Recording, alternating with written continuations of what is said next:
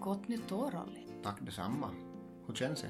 Ja, tack. Nu känns det helt bra och jag har sett fram emot att vi ska slå oss ner och ta tag i det här poddandet igen. Ja, det känns som att det har varit en, en tid sedan sist för att tanken var ju nog att vi skulle spela in det här avsnittet redan i december men av flera olika anledningar så blev det inte så för vi har haft mycket annat på gång. Ja, vi har haft en del stora projekt på gång, bland annat den här julsändningen som vi hade tillsammans med Lars Monär TV där strax innan jul så den tog lite mera energi och tid av oss än vi hade kanske räknat med. Ja, men det var ändå en positiv investering på alla sätt och en, en härlig upplevelse.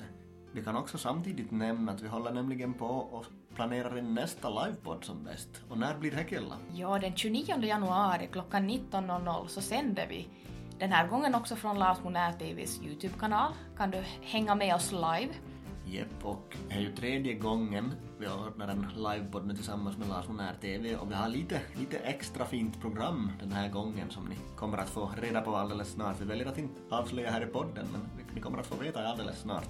På våra sociala medier så lär ni nog veta nyheten. Yes, vi går lite extra in med en liten extra insats i programmet. Ja, absolut. Allt för er lyssnare och tittare.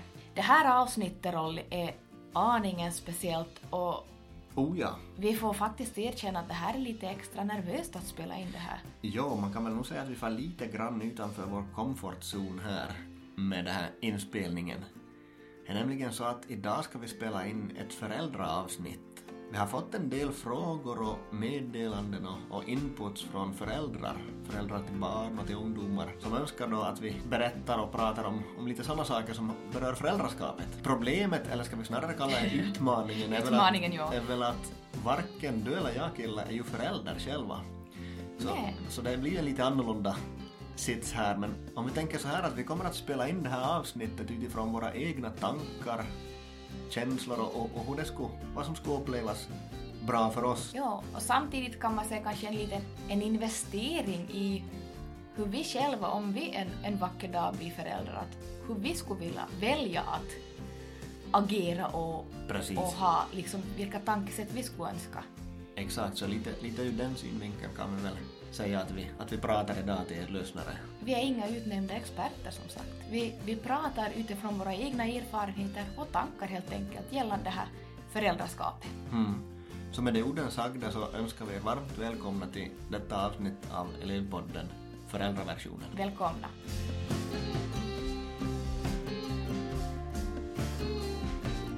Okej Killa, är du laddad? Oh ja, nu kör vi igång. Varifrån ska vi börja? Jag tycker vi har, vi har fått en hel del frågor här och, och, och vi har lite kanske också själv satt ner några anteckningar för att, för att få till det här på ett, på ett bra sätt, om man säger så. Jag tycker Ja. vi ska börja med ett citat som jag har valt för det här avsnittet. Ge barnen kärlek, mera kärlek och ännu mera kärlek, så kommer folkvettet av sig själv. Det här tycker jag är riktigt mitt i prick på något sätt och det är Astrid Lindgren som har satt det här citatet så vi, vi tackar Astrid Lindgren för de kloka Ja. orden. Det här är ju också en, en, en väldigt stor del av, av det här barn och ungdomstiden tänker jag. Och Att den här kärleken behöver finnas och kännas och upplevas. Så om allt annat går åt pipan så, så om kärleken finns där så, så är det ändå en slags trygg grund tänker jag. Första frågan, vad, vad har vi killar på, på tapeten här? Den här första frågan som har kommit in lyder så här. Vad kan jag göra som förälder om jag ser att våran ungdom i huset inte har det bra, men hen vill inte berätta åt oss hur den mår? Det kan ju finnas ganska många olika bakgrundsfaktorer liksom, faktorer där varför en ungdom inte vill prata med en. En kan ju vara vuxna förstår inte. Ja. Kanske är det här första tanken att nej men inte förstår någon ändå. En annan så kan ju vara att man upplever att nej men är det nu det här någonting att må dåligt över eller har jag rätt att må dåligt? Är det en Ja. bagatell? Är det för stort eller för smått? Eller är det någonting sånt som, som, är, som man själv upplever att det är så övermäktigt att, att jag kan inte diskutera det här med mamma eller med pappa för att jag vet inte ens var jag ska börja. Ja. För mig så, så kommer jag ihåg när jag tänker tillbaks på, på ett sånt här exempel så att jag minns att jag tänkte i de banorna att det kändes som att när man var ungdom och en vuxen att det var så stort glapp mellan generationerna så man trodde att en förälder inte alls skulle förstå. Som ungdom så kan man inte riktigt kanske föreställa sig att, att min mamma och pappa har ju faktiskt också varit en ungdom Och för kanske inte så länge sen. Precis, och, och det blir väl kanske så då att man målar upp en, en overklig bild av att nej men de hade aldrig några problem. De, har, de, de mår ju så bra idag, eller det, det kanske ser ut som att de mår så bra och, och de har koll helt enkelt. Mm. Jag tror att en, en generell bild unga har kanske av vuxna så är att de har koll. Mm. Men om man tänker bara vi som vuxna, inte som föräldrar men, men som överlag som vuxna, Mm. kan du killar påstå att har vi alltid koll? Nej, har vi inte. Verkligen inte.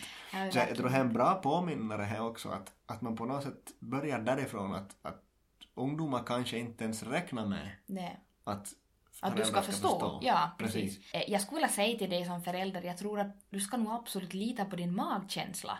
Att då, Mm. om du upplever att, att din ungdom är kanske lite mer tystlåten än vanligt och drar sig mera undan så jag tror faktiskt du ska lita på din, din magkänsla och så får vi komma ihåg det som vi många gånger tidigare har sagt att vad jag upplever eller känner så kan ju ingen annan säga att det är fel. Så om du på ett, ett, vid ett lämpligt tillfälle, vi kan komma ge exempel på lämpliga tillfällen senare, men att du vid ett lämpligt tillfälle skulle säga åt, åt din ungdom att jag upplever att du har varit lite mer ledsen än vanligt den senaste tiden. Och sen kan man ju också, om jag får avbryta det Ja. där killar, så kan man ju också flika in där att har jag rätt? Liksom. Eh, Att, man, att man på något sätt ändå ger utrymme att, att har jag rätt eller fel? Att- Och, redan där kan man ju få, få rätt typ av diskussion igång då. Att Mm. Det kan ju vara delvis att man har rätt, eller så kanske ungdomen är osäker att ja men att är det nu så eller, eller är det inte så? Att, att Mm. man, man kanske inte själv riktigt har känt efter på det sättet konkret. Mm. Så redan att fråga det också, att, att har jag rätt? Så kan vara en bra start i det här. Ja. Och sen, sen när du ska ställa den här frågan så, så skulle jag inte säga att ett lämpligt tillfälle är inte vid matbordet när ni sitter mitt emot varandra. För unga idag får ju bara svårare och svårare det här att mötas öga mot öga. Att ställer man en sån här känslig fråga så kan det vara bra att, att ungdomen får lite eget andrum så att säga. Att ett lämpligt tillfälle skulle kanske vara att när ni sitter i bilen, ni sitter bredvid varandra och ni båda får titta åt varsitt håll eller att ni tar en promenad tillsammans, att ni går bredvid varandra. Mm. Just det här att, att skapa de här fysiska möjligheterna till andrum som du sa Killa. Mm. Att, att man, har, man har möjlighet, man har valmöjligheten att titta bort eller att titta rakt fram utan att titta rakt i ögonen på sin förälder. Att man Ja. på något sätt kan, om man kan kalla det skydda sig själv. Mm. Eller Liksom, ja, ta det här andrummet och, och, och få vara okej med att det kanske, om det blir en jobbig fråga, om det blir en jobbig känsla som dyker upp eller, eller att det till och med blir känsligt. Mm. Och, och det här det kan uppfattas lite av ungdomen som att det blir lite mer ett påhopp om du sitter liksom mitt framför den här personen och, och nästan att du skulle kräva ett svar direkt. Att, blir lite förhörskänsla Ja. och så här. Så jag tänker att så bra faktorer att tänka på är just timing, plats, tid, liksom när och hur jag den här diskussionen och, och just att öppna på ett sätt med att jag upplever att du varit lite mer ledsen än vanligt den sista tiden. Stämmer det? Har jag Ja. rätt? och just det här, tänk på att när du väl ställer den här frågan, var beredd på att vara närvarande. Ställ den inte fem minuter innan ni ska, du ska skjutsa iväg ett annat barn till, till en fotbollsmatch eller att du, du har liksom bara några ynka få minuter utan att öppna upp för den här diskussionen, lämna bort telefonen i ett annat rum, stänga av på ljudlös. Ge möjlighet att öppna upp för den här diskussionen. Och att du kanske planerar in det då lite taktiskt, att du, att du nämner den här saken när ni far på en lite längre körsträcka där du Ja. vet att, att ni två kanske bara sitter i bilen just under den här tidsperioden som räcker för att, att det ska gå att, att hinna komma in kanske då lite på djupet. Så att det finns en trygghet i att både du och din ungdom känner till att ja men vi kommer att prata ostört och oavbrutet den här kommande, om det då är halvtimmen, 45 minuter, en timme eller vad det sen handlar om. Men att du känner att, att ni vet båda att "Mm, här är vi trygga Mm. och här kan vi, här kan vi prata oavbrutet. Jag kommer faktiskt ihåg när vi började prata om det här att när jag var mindre så kommer jag ihåg att jag skrev ett brev till vår mamma Rolly. Okej. Jag skrev brev för att förklara lite hur jag kände. Mm. För att det var så svårt att, att säga det öga mot öga. Så om vi, om vi tar det ur dagens synvinkel, idag kanske inte man skriver så mycket brev, men skulle du kunna inleda en chatt med ditt eget barn? Mm. I värsta fall för att liksom hitta ett sätt att mötas i det här. Det här tror jag att, att skulle kunna vara ett sätt, nu, nu, nu pratar jag ju bara för egen, egen upplevelse här, men det kan ju vara att, att första gången du skickar eller frågar så kanske du får ett allt annat än trevligt svar Det är tillbaks. möjligt. Det kan komma allt, allt både med innehåll och förpackning och allting kan komma på en gång liksom Mm. tillbaka. Men det här, det kan ju vara att det sår ett frö i alla fall och att, och att om inte annat så kanske ditt barn känner på något plan någonstans långt inne om inte annat så känner de att ja men mamma eller pappa bryr sig. De vill veta hur jag mår och att det Mm. kanske om inte, om inte direkt och kanske inte nästa gång och inte tio gånger senare men någon gång så kanske det börjar öppna upp en möjlighet att, Mm. att känna sig trygg i att, att berätta eller att prata eller att kanske fråga själv någonting Mm. gällande sitt mående. Så att ge de här signalerna och om, om vi citerar Daniel Gylfors att vi måste utgå ifrån att ingen är tankeläsare. Ja, det tyckte jag var jättebra i, i, Mm. i den här livesändningen som vi hade 2 oktober i Lars Monär TV. Så där, där nämnde han just att vi människor vi utgår ofta ifrån att, att andra är tankeläsare. Det kan- Det vi inte lita på. Nej.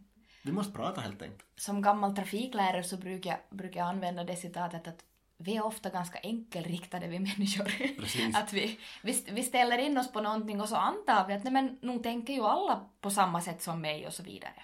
Precis. Ska vi vara riktigt ärliga så har vi till det här avsnittet så har vi från ungdomarnas sida också fått ett tips gällande det här ämnet. Japp, och jag tycker att det var jätteintressant. Så det här tar vi till följande. Vill du läsa upp det här killen? För det, för det, var, det var du som Mm. fick den här inputen. Våra ungdomar i nejden så vill jag hälsa att det här med prestationsångest och om man skulle ha något tvångssyndrom eller man, man lider av panikångest eller man är på väg in i någon depression och så vidare så att det är så svårt att berätta åt föräldrarna hur man mår och så vidare. Och det här önskade vi skulle ta upp och, och diskutera lite och, och att man skulle Ja. hitta något sätt att mötas på mitten här. Precis, och det första jag kommer att tänka på här så är ju att öppna gärna någon gång, oberoende om det är en, en situation där vad ni redan diskuterar eller om du på något sätt som förälder rent smidigt öppnar upp en diskussion, leder in en diskussion där vad du på något sätt delar med dig av dina erfarenheter.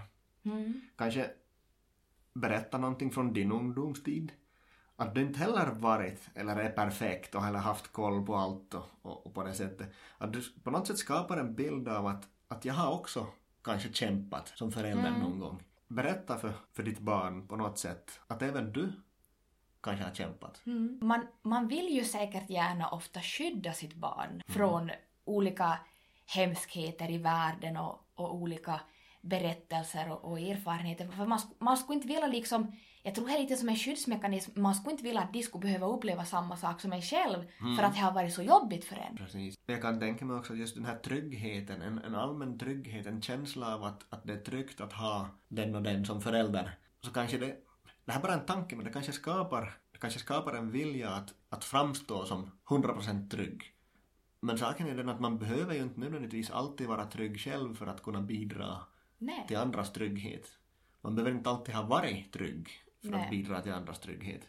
Visa dig mänsklig. Visa dig sårbar. Kanske Mm. mitt och, ditt också Ja, budskap här. ja, jag tänker just det här att genom att du delar dina egna utmaningar som du har haft eller kanske har ännu i livet så det här öppnar helt troligen dörrar för din egen ungdom eller ditt eget barn att, att se att okej, kanske mamma eller pappa faktiskt förstår mig i den här saken.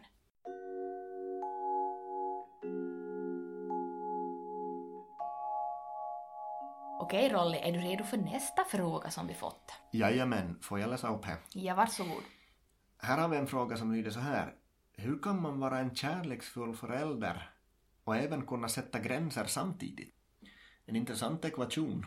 Ja, verkligen. Vad ska vi säga om den killen? Mm, Ja, min spontana tanke som dyker upp är ju att, att du är en god förebild. Mm. För att om du inte själv lever som du lär, Mm. så vad kan vi liksom förvänta oss då från ungdomarna runt omkring oss? Att, som sagt, som gammal trafiklärare, om jag tar det exemplet att, att du säger åt ditt barn att du, du måste använda cykelhjälm när du får till skolan. Men sen när ni får tillsammans ut på en, en cykelutflykt så använder inte du som vuxen hjälm. Va, vad berättar liksom det här åt ditt barn för dig själv? så är inte du så värdefull så att du behöver använda en cykelhjälm. Mm. Det här kan ju ge flera signaler, till och med ska vi säga så här undermedvetna signaler att, att min förälder är inte rädd om sig själv Ja, på något sätt. ja. Även om det inte berättar det direkt men det finns Nej. ett indirekt budskap Nej. där att, att min mamma eller min pappa är, är inte rädd om sig själv. Det kan gro ett dolt budskap kring det. Så sådana saker kan också vara bra att tänka på och just det här att som vi tidigare i någon livepodd också har varit in på att, att hur vi pratar om andra människor Ja. in, i våra barns närvaro. Liksom, vad, vad sätter det för ton? Men också hur vi bemöter varandra i hemmet Som som familjemedlemmar. helt familjemedlemmar enkelt. Mm. på olika sätt. Så det här, de här sakerna tänker jag också att det är också att vara kärleksfull som förälder. Mm. Just att visa, visa olika exempel. Att man också kommer ihåg att vara kärleksfull mot sig själv. Att man inte just det här pratar illa om sig själv i en bemärkelse att Precis. usch vad jag är ful i den här tröjan eller Mm. usch vad jag är dålig på det här, att jag, jag lär mig aldrig det här. Precis, och, och, eller att man så här i, nyårstider tänker att usch, jag har gått upp mycket i vikt, att nu ska det nog tränas och bantas och hit och dit. Att, Mm. att vad, vad man liksom fäster för, för värden, för värderingar i det. ja, Och, och kanske då så här omedvetet också ärver vidare så att säga till, till den yngre generationen. Att, att på vilka sätt man pratar om sig själv, kanske sin kropp, sina egenskaper, sin personlighet. Att man på något sätt nedvärderar sig själv inför sitt barn.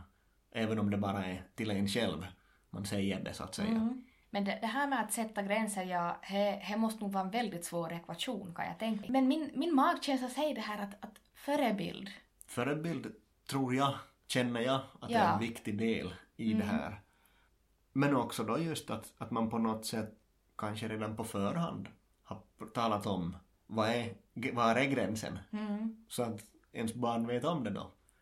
Ja, Jag, jag känner redan här att här börjar vi vara inne, inne på tunn is. Jag vet inte hur ingående man ska vara här. Men, Nej, här men, men att man ändå är konkret på något sätt. det här uttrycket att nu har du gått över gränsen, det det är ganska flummigt uttryck allmänt. Ja, om, om man inte har satt gränsen liksom och varit tydlig, till exempel med vad man förväntar sig eller vad man, vad man uppskattar att, att se eller så. Ja, det här med att förvänta sig, det måste vi ju vara medvetna om att vi kan ju inte förvänta oss samma saker av en, en, ett barn eller en ungdom som inte har det här med konsekvenstänkandet, hjärnan är inte utvecklad ännu. Precis. Vår hjärna, så enligt forskning så upp till 25 års ålder så utvecklar vi ännu den här förmågan att tänka konsekvent. Så det betyder att vi kan ju inte förvänta oss ett hundraprocentigt konsekvent tänkande av en tonåring till exempel. Då är det ju lite som att man beställer besvikelse. Så egentligen var en god förebild själv, men också berätta om var går, vad är gränsen och var går gränsen före liksom. Sen kan vi ju inte sätta upp regler för allting förrän vi har utforskat hela halva världen. Vi kan ju Precis. inte göra det. Och just genom att vara den här förebilden så kan man också då rent konkret poängtera till sitt barn att när man gör så här så drar man den och den nyttan av det. Liksom att man ser de här positiva liksom följderna av, av ett positivt beteende. Istället för att alltid bara nämna om du gör så här så går det så här åt pipan och så vidare. Mm. Om du inte använder cykelhjälm så är ditt huvud så här svagt. Utan att om du använder cykelhjälmen så skyddar du ditt huvud. Istället, ja, man kan, Med, man kan här, se det med olika. den här positiva bemärkelsen så, så att man även får så, så att man som barn får en möjlighet att se vad vinner jag på det här Mm. positiva.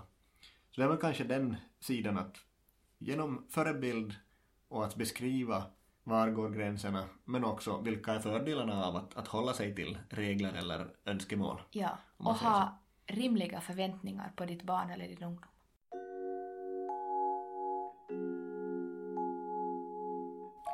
Okej killar, nu känner jag att, vi har tagit oss förbi det här svettigaste momentet här med föräldraskap och så vidare. Det blev plötsligt lite varmare här i Ja. rummet. Så vi spinner vidare på nästa fråga. Vad har vi killar? Ja, nästa som har kommit in. Hur kan vi styrka våra barns självkänslor? Och vad är en självkänsla? Då ska vi börja med det. Ja, självkänslan så är det som du tänker eller känner när du tänker på dig själv. Alltså, hur du känner värde. Baserar du det på att du är bra som du är, att du inte behöver bevisa något och att du duger som den du är. Eller känner du att du behöver bevisa någonting, att du behöver prestera, att du behöver få bra betyg eller kunna sy någonting bra i slöjden eller någonting sånt. Det här kan vara exempel på bra eller dålig självkänsla. Och en självkänsla kan ju variera med ålder, men också från dag till dag. Och självkänsla kan man säga så här att det, det är en färskvara, den behöver fyllas på. Så för ett barn så är det otroligt viktigt att de får den här påfyllningen genom att man visar kärlek, att man bekräftar att, att man är bara helt enkelt glad över att de finns och att de är Mm. Och de behöver är. inte bevisa någonting utan att de, de Precis. duger precis som det är. Om vi tänker, hur kan vi styrka våra barns självkänsla då? Vad skulle kunna vara tecken på att ens barns självkänsla kanske inte är riktigt stark för tillfället? Några exempel så kan vara just att, att man vågar inte prova på nya saker. Till exempel för att man är rädd för att misslyckas och, och att just det här misslyckandet ska bli till att det är jag som är mitt misslyckande. Så det kan vara ett tecken på låg självkänsla. Och sen så kan det ju vara att om man väl vågar sig att prova någonting och sen när man misslyckas så blir man jätteledsen. Precis, man blir jättebesviken och, och kanske klankar ner på sig själv och så vågar man inte prova igen sen för att, för att man då är rädd att, att det ska gå lika igen. Man kanske också är rädd för att säga vad man tycker eller tänker i en, i en fråga. Ja, och försöker alltid liksom att vara andra människor till lags.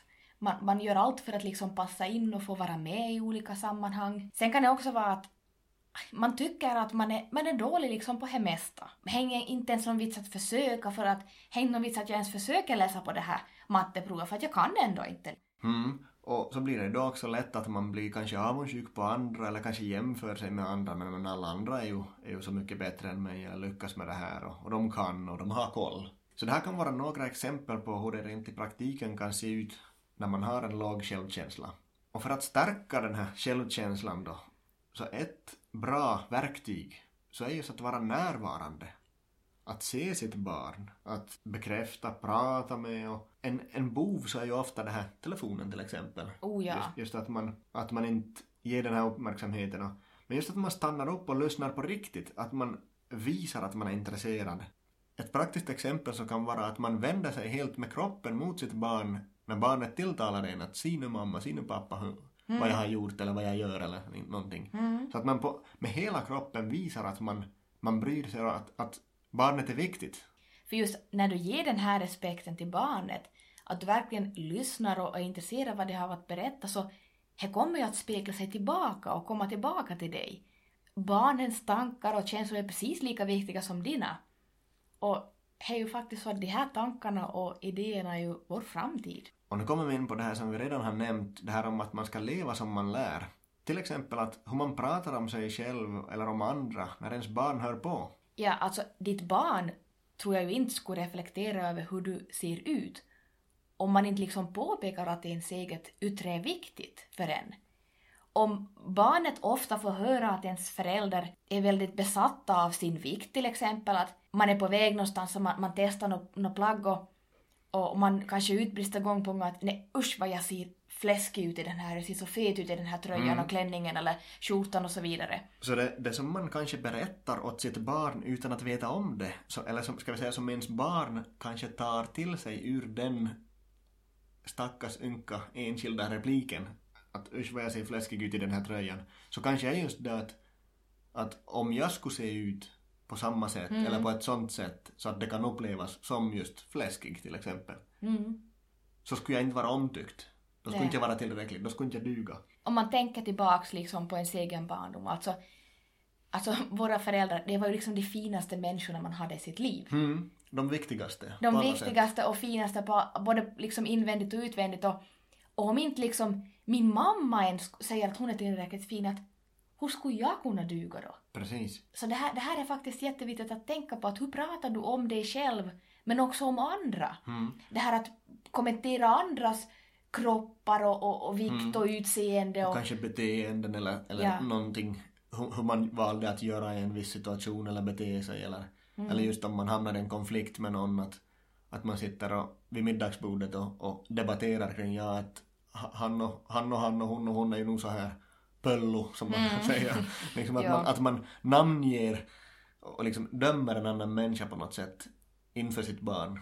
Mm. Tyvärr berättade mer än man kanske i själva verket hade som avsikt att berätta. Ja. An, det berättar andra saker än man kanske hade själv som avsikt att, att få fram med, med det här samtalet eller med den repliken. Mm.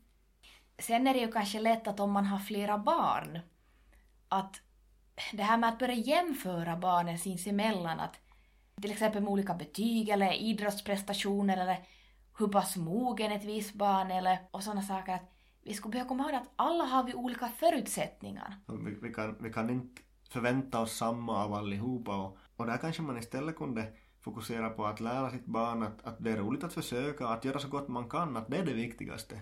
Mm. Och att man kanske istället är mer intresserad av någonting specifikt som då har med just den här egenskapen eller den här prestationen att göra snarare än själva resultatet och att, att värdesätta liksom hur bra det blev. Mm. Utan snarare att, ja, men att vad är det här du har ritat och, och, och hur, hur tänkte du där och så vidare. Att man, Mm. att man visar att man är intresserad snarare än att man, att man är stolt över hur bra det blev. Sen var vi ju lite inne på det här nyss med att, att man har rimliga förväntningar men också uppgifter för barnen. Att alla barn är ju olika och att om ett barn så att säga har misslyckats i dina ögon var det så att mina förväntningar var för höga. För att just det här för att oss vuxna så är det rimligt att man kan ta ansvar och till exempel stiga upp i tid och ha förberett väskan för dagen. Men för ett Mm. barn i till exempel lågstadiet så det här är ju inte en självklarhet. Sen är det också viktigt att ge rätt sorts beröm. Har ditt barn misslyckats med något? Det gör ju ingenting. Uppmuntra då att det är viktigare att våga försöka än att lyckas. Du vill ju inte att ditt barn ska sluta våga försöka. Säg då, jag tycker om att du verkligen försöker, trots att det är svårt. Men se upp med att vara för allt för överdriven med de här berömmen. Det räcker att säga, du är duktig. Du behöver inte nödvändigtvis säga att du är så otroligt duktig. Det kan nog vara en positiv touch på den här kommentaren eller den här Mm. feedbacken. Men i vissa fall så kan det också vara att det sätter en press istället att, att "Nej, men då måste jag ju anstränga mig ännu mer för att nästa gång få det här. Överdrivet beröm så kan ibland bli urvattnat och kanske tappa sin önskade effekt till och med. Sen en sån sak som har ändrat enormt genom tiden om man redan jämför med, med vår barndom, fast jag tycker att vi är inte så gamla. Mm.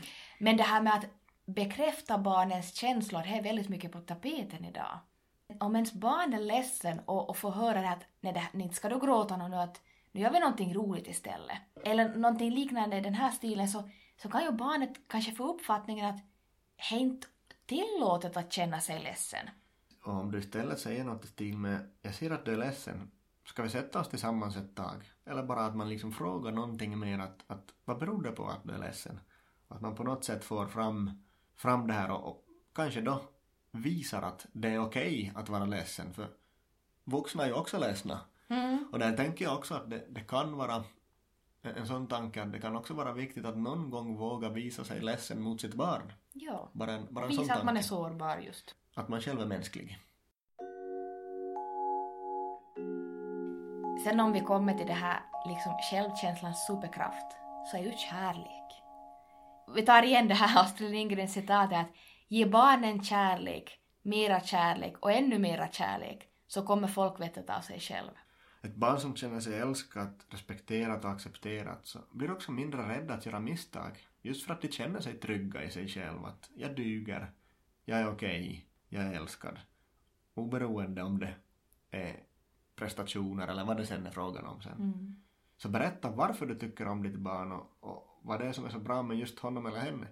Men att det inte handlar om prestationer. Nej. Att du är glad att han eller hon bara finns. Mm. Och att det är det finaste du har i ditt liv. Vi har en del frågor Rolly som vi ska beta igenom ännu. Ja. Vill du ta den här nästa? Jo, har kommit in en sån respons. Mitt barn har mobbats i flera år och vi vet inte vad vi ska göra längre. Vi har försökt kontakta skolan, föräldrarna och inget blir bättre. Föräldrarna till barnet som mobbar påstår att nej deras barn kan inte mobba. Så nu vet vi inte längre hur vi ska gå vidare. Har ni något tips? Oj, oj, vet du, Rolly, det börjar klia i mina fingrar när jag får, Ja, får den här frågan. Berätta mer.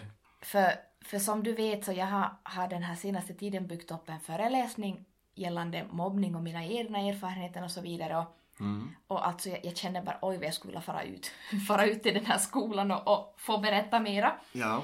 Men om vi går tillbaks till att föräldrarna till de här barnen som mobbar så påstår att deras barn så de, de kan inte vara med i det här, de, de kan inte vara delaktiga i det här. Mm. Ska vi släppa bomben? Precis varenda en av oss kan mobba. Det skriver jag också under. Och varför då? Jo, om vi drar det riktigt kort. Vi människor så har allihopa några olika grundbehov för att må bra och ha det bra. Vi vill kunna höra till, till en gemenskap. Men vi vill också kunna känna oss speciella, unika, viktiga. Vi vill alla kunna känna oss trygga och, och säkra där var vi är. Men samtidigt så vill vi också ha kanske lite spänning eller variation i våra liv.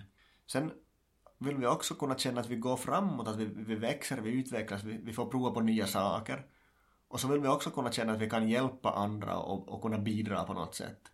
Och alla de här behoven så är positiva behov. Det är någonting bra att få de här sakerna uppfyllda. Men sättet vi försöker uppnå dem eller försöker kompensera för att vi inte har fått dem så är inte alltid positivt. Och där kommer oftast, eller vi kan säga egentligen alltid, så kommer mobbningen in i bilden där någonstans när vi försöker uppnå eller kompensera för ett icke uppnått behov av gemenskap, bekräftelse, trygghet, variation och spänning, att växa och utvecklas eller att hjälpa och bidra åt andra. Så när något av de här behoven blir icke uppfyllda eller hotade så då kanske vi tar till ett beteende som är mindre positivt. Och kring det här med mobbning så kan ni också lyssna på ett av våra poddavsnitt varför finns mobbning? Där vi berättar mm. lite mer, går lite mer in på de här sakerna. Så lyssna gärna på det avsnittet också. Sen när vi hade Eli-podden live i oktober så sa Daniel Djurfors så bra att när vi vill reda ut någonting i sådana här mobbningsärenden till exempel så ska vi ta, komma ihåg varför vi vill reda ut saken. Inte för att vi vill hitta en syndabock så att säga. För det kan ju vara så här att vi börjar peka finger att ditt barn gör alltid så och så. Så att det blir mer en pajkastning än mm. en, en utredning där vi får istället fokusera på att för att alla ska må bra och för att alla är värda att få må bra. För det kunde vara ett, ett mycket mer positivt och, och uppbyggande sätt att fokusera på. Att syftet är att alla ska få må bra. För att vet man orsaken till varför mobbning finns så förstår man, man förstår liksom det här grunden bakom är att grundorsaken är ju att den som mobbar mår inte bra. Det är något av de här mänskliga behoven som fattas hos den människan. Och här behöver vi som vuxna komma in och fylla på det här behovet. Och det här, det är i princip omöjligt för ett barn att klara av den uppgiften att fylla på. Det här var vi vuxna har den, den stora rollen. Så är det. Att vara med och bidra och fylla på det här barnens grundbehov. Absolut. Och är man i en sån situation, man har försökt liksom att, att få hjälp, man har kontaktat skolan, man har kontaktat föräldrar, så tycker jag till och med att man ska ta in en tredje part. Man kan till och med kontakta liksom barnskyddet mm. och, och fråga att kan ni vara med och bidra till ett möte som tredje part, någon helt utomstående, mm. för att få, få kontroll över den här situationen. Precis, där var, där var man kan vara mera opartisk på något ja. sätt, att någon, någon står med som inte nödvändigtvis håller med en av parterna. Så att ja, säga. exakt. En, en helt utomstående tredje part. För, för som, som ni skriver in här att ni har försökt med föräldrar och ni har försökt med skolan, då tycker jag att ni ska ta, ta det till next level helt enkelt och, mm. och ta in en tredje, tredje part. Till exempel barnskyddet skulle jag absolut rekommendera. Precis, och att, att återkomma till just den här frågan att varför vill vi reda ut saken?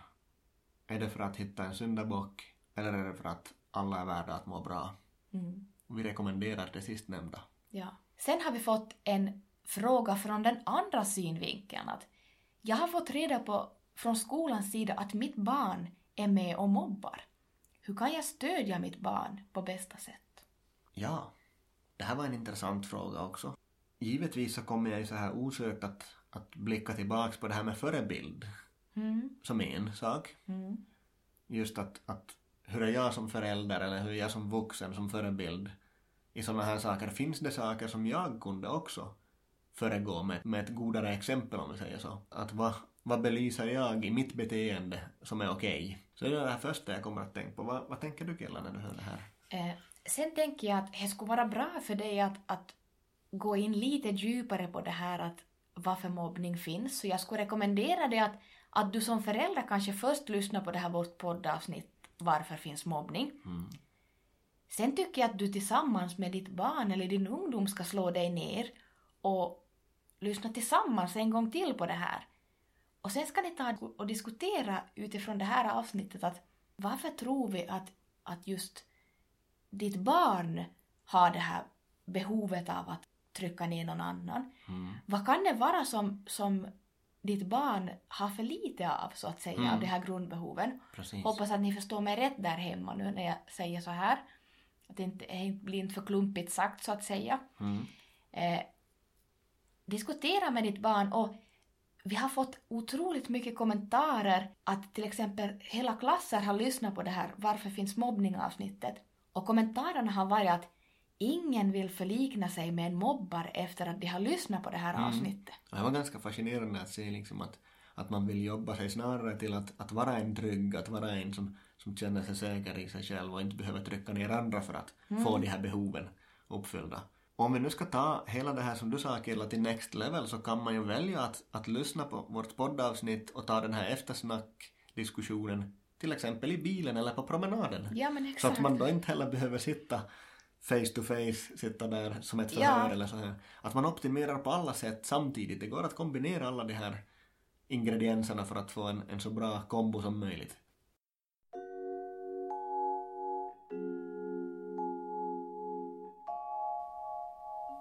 Jag tror vi ska ta en till fråga här då. De flest, jag tror att de flesta föräldrar någon gång i livet lever med den här känslan av otillräcklighet och det här ständigt dåliga sam, mammasamvetet så att säga. Jo, vi har, vi har fått in från en, en lyssnare här en, en fråga just om att just den här känslan av otillräcklighet och att man har ett dåligt mammasamvete. Att där, där skulle vi vilja börja med att, att fråga att jämför du dig med någon? Och i så fall med vem jämför du dig? Och litar du på det du till exempel kanske ser i sociala medier? Ett perfekt dukat bord, en, ett städat vardagsrum och en perfekt fredagsbukett på bordet. Har du någon gång tänkt på hur det skulle se ut på den här bilden om den skulle vara vänd 15 grader till vänster? Där Ja. smutstvätten står i på hög. Bara som ett exempel att vilka jämförelser skapar du och väljer du att ta till och, och, och vad kan det få för följder liksom att hur du, hur du upplever din egen tillvaro och hur du räcker till. Och där skulle man också kunna ta en sån tankeställare att men om jag aldrig unnar mig själv någonting då kanske jag inte heller orkar vara den optimala mamman eller pappan. Måtta med allt tänker jag. Nu ska jag vilja släppa en riktig bomb. Lätt komma. Andra människor så kan ju inte få oss att känna oss otillräckliga. Sant. För att vi är inte det som vi tror att vi är. Vi är inte heller det som andra tror att vi är. Utan vi är det som vi tror att andra tror att vi är. Hallå. Det där blev lite, kanske lite krångligt men om du, om du lyssnar in det igen. Vi är inte det som vi tror att vi är. Vi är inte heller det som andra tror att vi är. Utan vi är det som vi tror att andra tror att vi är. Det betyder alltså att vi lever i en uppfattning av en uppfattning om oss själva. Det som jag förväntar mig att andra tycker eller tänker om mig. På det sättet kommer jag att på något sätt sträva eller kriga för att, att uppleva. Så om jag då ständigt går omkring och, och, och känner mig otillräcklig så kanske det är dels på grund av att jag förväntar mig att andra ska tycka att om jag gör så här eller är så här eller väljer eller prioriterar så här då är jag en otillräcklig mamma eller pappa. Mm. Så där behöver man tänka efter att, att vems uppfattning är det man lever på? Är det sin egen eller andras eller sin egen uppfattning om vad andra uppfattar? Trixig fråga men, men värd att begrunda. Ja. Och just det här, om vi bär med oss den här känslan av att vi är otillräckliga så kommer vi också omedvetet att skapa situationer men också relationer som bekräftar att den här bilden stämmer nog. Mm. För jag tror att vi allihopa känner igen oss i att någon gång i livet så har vi helt enkelt byggt upp en fasad för att kanske passa in i ett visst gäng. Men sen efter en tid så inser vi att det här är inte min plats. Och det här är inte det typ av människor jag vill liksom grunda mina värderingar med. Eller det här är inte människor som får mig att må bra. För att när du har en uppfattning om att andra kanske nog tycker att, att jag är otillräcklig på det här så blir det ju som att du, du vill ändå upprätthålla det för du vill ju åtminstone att, att andra ska ha rätt. Ja, Det blir precis. liksom att, att om inte annat så gör du dem dubbelbesvikna då om det inte stämmer. Det här, och det här sker ju på ett omedvetet eller ett undermedvetet plan. Så du hamnar att kämpa en kamp som är, vill jag påstå, kanske lite onödig till och med. Jag skulle vilja säga så här att du, du räcker och du gör troligen precis så mycket som du förmår just nu i den situation du befinner dig i i ditt liv. Så jämför inte ditt race med någon annans. Och jag tycker vi måste utgå från att du som förälder gör ditt bästa utifrån vad du vet i den situationen du lever i just nu. Och utifrån de värderingar som du anser är bäst för ditt barn. Sen kommer vi ju till det undantaget med psykisk ohälsa eller någon psykisk störning och så vidare, eller missbruk och sånt, som aldrig är barnets fel. Men, Precis. men om vi säger, jag hoppas ni förstår mig rätt, en frisk förälder gör sitt bästa utifrån vad de tror och vet i den situationen är bäst för ens barn. Sen kommer vi väl allihopa troligen till komma i det skede i livet när man blickar tillbaka och tänker att hur kunde jag uppfostra mitt barn på det här sättet? Men här kan du ju inte anklaga dig själv. För att då gjorde du det som du visste och trodde var bäst för ditt barn i den situationen. Och kanske rent av det som du orkade och klarade av. Ja. Antingen fysiskt eller psykiskt just då. Utifrån ditt mående i den situationen. Jag tycker det är bortkastat då att anklaga sig antingen när det händer eller efteråt. För du gör troligen ditt allra bästa Mm. på alla sätt utifrån vad du vet, kan, orkar och förmår. Så även du duger bortom dina prestationer som förälder. Och det här är någonting som du behöver träna om och om igen och påminna dig om på olika sätt för att bli av med den här känslan av otillräcklighet. Det tar tid, det kommer att ta tid och det kommer att svaja och variera från dag till dag. För det handlar ju också om självkänsla, att känna dig värd som förälder. För som förälder har du också en väldigt kritisk självbild förstås. Du har ett väldigt stort ansvar. Du har ett, ett liv i dina händer så att säga. Och det som vi först och främst, hur man blir av med en, en känsla av otillräcklighet, att det som vi först och främst måste ta till oss är ju att känslan av otillräcklighet så beror ju inte på yttre omständigheter. Nej, för det går ju inte att bli av med sin dåliga självkänsla genom att söka godkännande och bekräftelse utifrån att, att andra ska nog på något sätt checka av att ja men du är nog bra som förälder, att man ska få höra rent konkret en feedback på att, att du är nog så bra. För att andras uppskattning så är ju en svag kompensation för det som du kanske egentligen vill uppleva som kärlek till dig själv. För att du ska kunna känna dig fullkomlig så måste du förstå att din kritiska självbild nödvändigtvis inte förankrad i verkligheten. Så skulle jag säga att du behöver inte göra någonting storartat annorlunda. Det, tror jag knappast att du behöver. Att, och, och kom ihåg det att dina negativa känslor är ju inte verkliga. Mm. De är bara felaktigt inlärda Mm. reaktioner som nödvändigtvis inte ens är kopplade till dig. Precis, och jag, jag skulle vilja säga så här att, att om du känner att du vill få till en, en typ av förändring, om det då gäller i ditt föräldraskap eller just i din förmåga att, att känna dig tillräcklig. Tänk dig lite som ett höghus. Tänk dig att du vill nå upp. Det skulle säkert vara helt okej att nå upp till takvåningen så att du känner att yes, jag har koll på det här. Jag, jag liksom, jag styr över min självkänsla som förälder eller jag, jag är en bra förebild eller jag, jag kan ge mitt barn kärlek. Tror du det går att ta ett skott från marken och hoppa upp till takvåningen? Nej, det går inte. Och i livets höghus, så att säga, så finns det inte heller någon hiss. Utan du blir så illa tvungen, eller tack och lov, ska vi säga, så blir du tvungen att ta trapporna. Och du får ta ett steg i gången. Ibland kanske du en dag lyckas ta ett språng och ta några trappsteg åt gången, känns det som. Men då kan det också innebära att du ibland halkar och kanske känner att du ramlar ner ett trapphus, en våning. Men just att du påminner dig själv om att, att ta dig upp, känna dig mer tillräcklig eller att känna att nej men jag är tillräckligt kärleksfull, jag duger som förälder. Så det är som att gå trappvägen upp i ett höghus.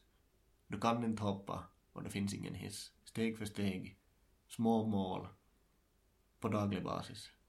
Det skulle vara mitt råd här. Låt det ta tid, för det har säkert tagit tid att komma dit du är. Och jag, jag, skulle vilja, jag skulle vilja ge en sån tanke att du behöver inte göra någonting alls för att du ska förtjäna den här känslan av att vara en tillräcklig eller betydelsefull förälder. Du förtjänar redan att bli älskad som, som mamma eller pappa, precis som du är. Du behöver bara inse det här och att vara hygglig mot dig själv. För du är, du är faktiskt i det här fallet den viktigaste personen att ta hand om. Så börja med att visa dig själv en, en stor respekt. Så kommer den här respekten sen att återspeglas i dina barns självbilder. Och Precis. för om du tänker på dina barn, till exempel att vad så att säga kräver du av dem för att de ska vara fullkomliga och älskade i dina ögon? Jag är ganska säker på att svaret är ingenting. Så vad skulle vara skillnaden för dig som förälder? Och genom att du är snäll mot dig själv, ställer lägre krav och- påminner dig själv om att, att du duger som du är och att du tar det här i små steg så är det också en dold signal till ditt barn om att saker och ting blir inte över en natt i ett skott upp till takvåningen. Nej. Du lär också ditt barn fördragsamhet, tålamod, disciplin. Saker som är väldigt värdefulla att ha i sitt liv i bagaget, i verktygsbacken.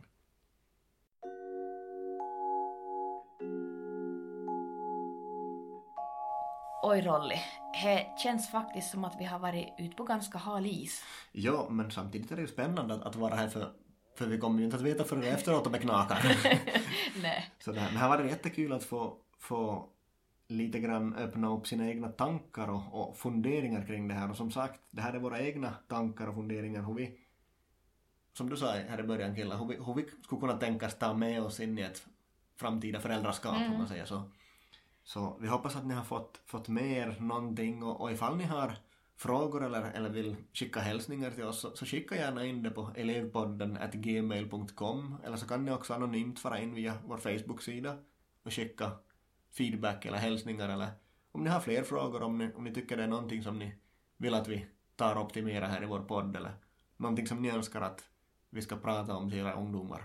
Som sista diskussionsämne så, så skulle vi ännu vilja ta upp det här med att som förälder så, och om vi blickar tillbaka det här med förebild som vi har pratat om, så att våga erkänna när man har haft fel eller när man har gjort fel, så skulle vara enormt viktigt och bidragande faktor åt barnen och unga att våga erkänna också att det är inte någonting farligt med att ha fel eller att ha gjort fel. För det här om någonting så skulle ju bevisa hur mycket du värdesätter både dig själv men också de relationer du har runt omkring dig. Att, att om du är beredd att, att kanske svälja stoltheten eller om man säger så. Det är inte alltid viktigast här i livet att ha rätt utan att snarare att ha det bra. Mm, och må bra. Och, och liksom vara trygg i sig själv. Att, och, och bevisa det åt, åt dina barn att fastän jag hade fel i den här, eller fastän jag gjorde fel i den här situationen, så det påverkar inte mitt värde som människa. Och det här kan vara en väldigt bra påminnare just vad gäller självkänslan. Ja. Hur man grundar sitt värde, var man tar fasta på sitt värde som person. Och att man liksom kan bevisa det här som vi tidigare har pratat om att, att det viktigaste är inte att ha rätt utan skulle inte vara viktigare att vi värdesätter inom till exempel familjen att vi får ha den här gemenskapen tillsammans att, att den är, har ett större värde än att jag har rätt i den här frågan eller i den här diskussionen eller det här argumentet. Och med så skulle vi vilja avsluta den här diskussionen med just att, att kanske blicka tillbaks till någonting som vi sa i ett tidigare poddavsnitt. Att jag, jag har hellre fred i mitt liv än att alltid ha rätt. Jag tycker jag sammanfattar det här poddavsnittet väldigt bra. Vi får tacka så mycket för alla frågor vi fick in, alla tips om diskussioner. Vi hoppas att vi har kunnat bidra med någonting nyttigt åt er. Och som sagt, ge gärna feedback, ställ flera frågor eller önskemål vad ni önskar att vi ska prata om till era ungdomar i kommande poddavsnitt. Och sen vill vi ännu en gång påminna er om vår kommande livepodd 29 januari klockan 19.00 på Lars Monär TVs YouTube-kanal. Och jag kan nästan lova er att oavsett ålder så kommer det här vara en väldigt givande sändning. Exakt, för vi har planerat ett tema som fungerar för alla åldrar. Tack än en gång för att ni har lyssnat på det här väldigt långa avsnittet. Det blev lite längre än normalt men vi ska ju prova på det någon gång också. Tusen tack, ha det bra, Hoppas vi ses. Elevpodden live 29 januari klockan 19. sköt om er, hejdå.